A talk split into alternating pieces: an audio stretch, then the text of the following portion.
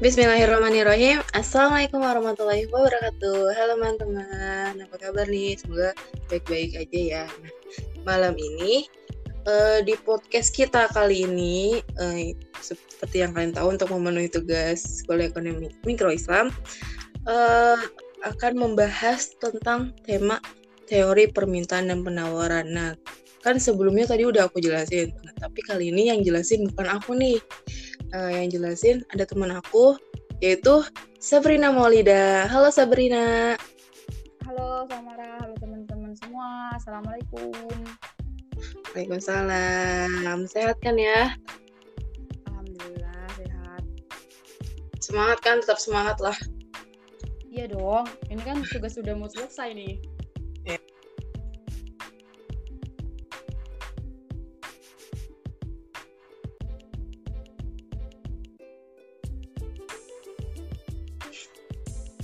Halo Sabrina.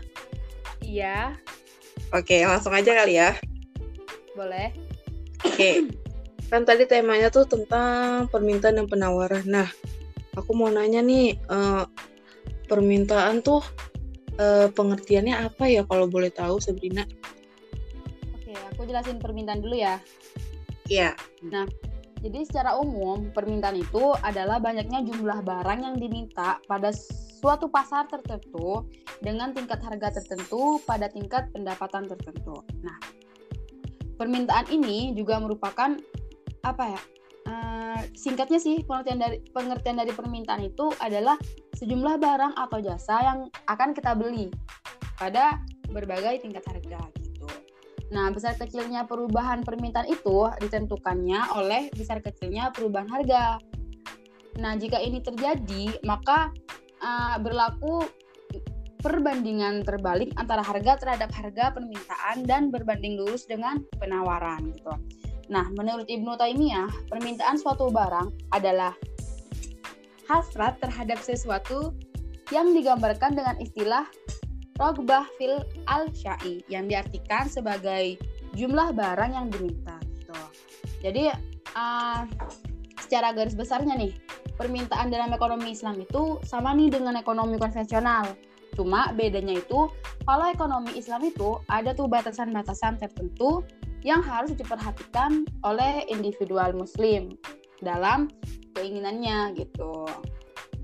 Jadi uh, dalam keinginan mengkonsumsi itu kalau muslim tuh wajib banget mengkonsumsi barang yang halal lagi toyib serta uh, tidak membahayakan bagi kita gitu. Nah, selain itu nih uh, dalam ajaran Islam orang yang mempunyai banyak uang tidak diperbolehkan nih memper, memperbelanjakan uangnya memperbelanjakan uangnya semaunya dia gitu. Kayak lebih ke mubazir. Soalnya kan itu juga kan gak disuka kan sama Allah gitu. Terus uh, hukum permintaan itu menyatakan bila harga suatu barang naik maka permintaan barang tersebut turun Nah, sebaliknya, jika harga suatu barang itu turun, maka permintaan terhadap suatu barang tersebut akan naik gitu. Pada hukum permintaan ini berlakunya asumsi ceteris paribus. Apa tuh ceteris paribus? Tahu gak? Ah, kalau nggak salah sih tet kayak tetap gitu nggak sih? Iya, jadi tuh artinya itu hukum permintaan tersebut berlaku jika keadaan atau faktor-faktor selain harga tidak berubah atau dianggap tetap gitu. Jadi ceteris paribus itu dianggapnya tetap, tidak ada perubahan. Gitu. Terus uh, kemudian dalam hukum permintaan terhadap barang ini terhadap barang halal sama dengan permintaan dalam ekonomi pada umumnya, yaitu berbanding terbalik terhadap harga. Apabila harga naik, maka permintaan tersebut uh, akan berkurang dan sebaliknya dengan asumsi ceteris paribus tetap. Tuh itu deh. Itu pengertian dari permintaan dan hukumnya. Hmm eh, jadi tambah lebih masuk nih tentang artinya permintaan. Oke mungkin langsung aja kali ya pertanyaan kedua. Nih boleh, tadi boleh. udah pengertian permintaan. Nah, mungkin bisa dijelasin nih, Sabrina, eh, faktor-faktor uh, yang mempengaruhi permintaan apa aja tuh faktor-faktor yang yang mempengaruhi permintaan. Nah, jadi Ibnu Taimiyah itu dalam kitabnya Majmu' Fatawa menjelaskan bahwa hal-hal yang mempengaruhi permintaan suatu barang itu ada enam. yang pertama itu keinginan atau selera masyarakat. Keinginan atau selera masyarakat terhadap suatu barang uh, apa ya kayak selalu berubah-ubah gitu. Soalnya kan ya namanya juga keinginan atau selera kan juga beda-beda gitu. Terus uh, di mana ketika masyarakat itu telah memiliki selera terhadap suatu barang, maka hal ini nih akan mempengaruhi jumlah permintaan terhadap barang tersebut. Terus yang kedua itu ada jumlah para peminat terhadap suatu barang. Nah, jika jumlah masyarakatnya yang menginginkan itu semakin banyak, maka harga barang tersebut akan semakin meningkat. Jika begitu juga sebaliknya nih, jika permintaan peminat dari suatu barang itu dikit, maka uh, barangnya itu keinginannya akan sedikit gitu. Terus yang ketiga itu ada kualitas pembeli atau bisa disebut dengan al-muawid di mana tingkat pendapatan merupakan salah satu ciri kualitas pembeli yang baik. Semakin besar tingkat pendapatan, maka semakin tinggi juga kualitas masyarakat untuk membeli atau keinginan masyarakat untuk membeli. Terus yang keempat itu ada lemah uh, apa ya? Kok lupa? Lemah atau kuatnya kebutuhan suatu barang. Jadi apabila kebutuhan terhadap suatu barang itu tinggi, maka permintaannya itu akan juga tinggi. Kalau sebaliknya juga kalau rendah, maka permintaan barangnya juga rendah. Terus yang kelima ada cara pembayaran. Cara pembayaran ini yang sering apa ya, kayak juga bisa dibuat dijadikan faktor perubahan pada permintaan yang mempengaruhi. Jadi uh, jika pembelian barang tersebut dengan transaksi tunai, biasanya sih permintaannya lebih tinggi. Soalnya kan eh, orang-orang uh, juga misalkan beli di pasar nih terus pakai kredit kan kalau misalkan orang-orang kayak daleman itu kan juga jarang kan pakai kayak ATM atau enggak mm. ya beri gitulah ke kredit gitu. Terus yang nomor 6 itu ada besarnya biaya transaksi.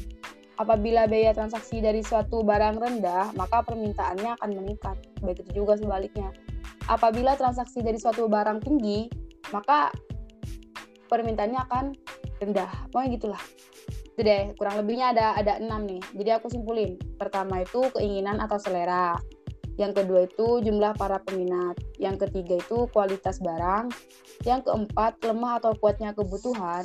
Yang kelima cara pembayaran. Dan yang terakhir besarnya biaya transaksi. Hmm jadi tahu nih tambah tahu faktor-faktor permintaan. Kan juga udah dibahas di podcast sama Samara kemarin kan? Iya makanya jadi tambah tahu lagi nih tambah udah dari Sabrina tambah masya Allah deh materinya. Oke okay, mungkin mungkin kan tadi udah pengertiannya permintaan tuh uh, mungkin sekarang pasangan ya penawar. Bisa dijelaskan di Sabrina. Ah oke okay, penawaran. Penawaran itu dalam ilmu ekonomi adalah banyaknya barang atau jasa yang tersedia dan dapat ditawarkan oleh produsen kepada konsumen pada setiap waktu tertentu. Jadi penawaran itu dapat didefinisikan sebagai banyaknya barang yang ditawarkan oleh penjual pada suatu pasar tertentu dan pada periode tertentu dan pada tingkat harga tertentu. Jadi singkatnya itu penawaran adalah jumlah barang atau jasa yang akan ditawarkan pada berbagai tingkat harga dan jumlahnya tertentu. Nah, hukum penawaran itu menerangkan uh, apabila harga suatu barang meningkat, kuantitas barang ditawar akan meningkat dan apabila harga sesuatu barang menurun, kuantitas barang yang ditawar akan menurun. Nah, hukum ini nih menunjukkan wujud hubungan positif antara tingkat harga dan kuantitas barang yang ditawar. Hal ini disebab, disebabkan karena harga yang tinggi memberi keuntungan yang lebih kepada produsen. Gitu deh. Uh, terus um, jadi tuh produsen akan menawarkan lebih banyak barang tuh. Tuh. Secara umum tidak banyak sih perbedaan antara teori permintaan konvensional dengan Islam. Sejauh hal itu dikaitkan dengan variabel atau faktor yang turut berpengaruh nih terhadap posisi penawaran.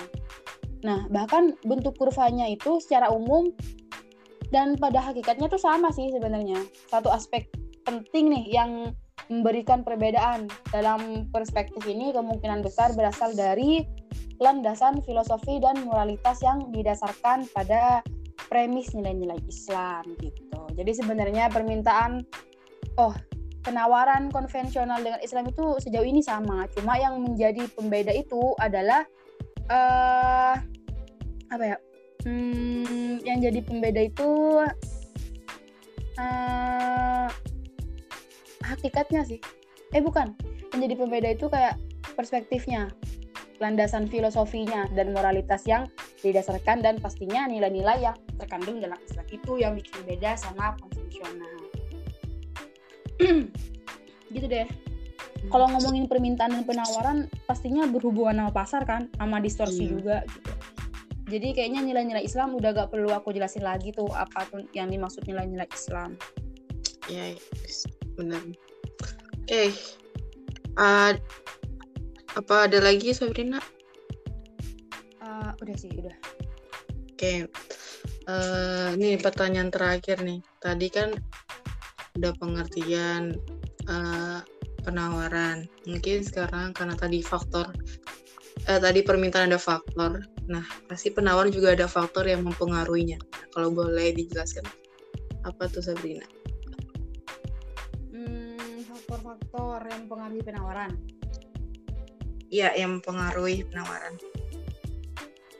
Hmm, jadi faktor yang mempengaruhi penawaran itu menurut Ibnu Khaldun adalah banyaknya permintaan, tingkat keuntungan relatif atau tingkat harga, tingkat usaha manusia atau produktivitas. Uh, misalnya besarnya tenaga buruh. Itu tuh termasuk ilmu pengetahuan yang dia miliki dan keterampilan yang dia miliki uh, atau kemampuan, keamanan serta kewenangan uh, itu perkembangan secara keseluruhan. Jadi itu tuh yang dimaksud tuh. Ya, jadi tuh pengaruhnya itu pada tingkat harga, pada produktivitas gitu. Tenaga buruh, termasuk ilmunya juga dan keterampilan yang dimiliki. Udah, perkembangan sih, perkembangan juga secara keseluruhan itu dapat mempengaruhi penawaran. Terus ada nih faktor-faktor lain yang dapat mempengaruhi penawaran terhadap suatu barang.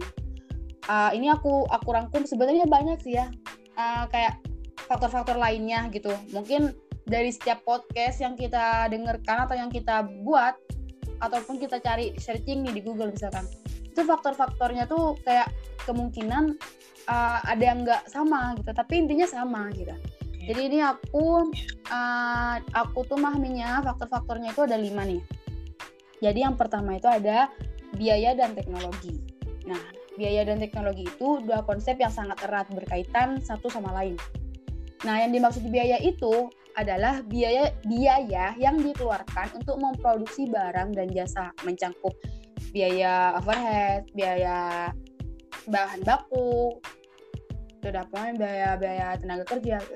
Jika sistem ekonomi konvensional dalam da, dapat dalam operasionalnya gitu. Terus yang kedua ada teknologi. Nah, contohnya itu uh, teknologi yang dapat mempengaruhi itu kayak penggunaan robot atau komputer jika diterapkan teknologi baru dan sebagainya. Jadi maksudnya teknologi juga berperan nih dalam faktor-faktor yang mempengaruhi penawaran gitu kan kecanggihan robot entah itu komputer kan beda kan sama kayak yang manual gitu. Hmm, terus yang ketiga ada jumlah penjual. Nah, jumlah penjual ini memiliki dampak langsung loh terhadap penawaran karena makin banyak jumlah penjual yang menjual pada tingkat harga tertentu, makin tinggi penawarannya gitu. Terus yang keempat ada hmm, dugaan nih tentang masa depan atau biasa disebut sebagai prediksi. Terus uh, ini nih ekspektasi terhadap masa depan yang mencangkup dugaan mengenai perubahan harga dari barang tersebut. Misalnya nih kayak kita menjual oh salah maaf maksudnya kita kayak mm, menjual atau si penjual menduga bahwa harga barangnya akan naik di masa depan dia akan mengurangi penawarannya pada saat ini akibatnya penawarannya berkurang gitu paham gak maksudnya Hmm, paham paham.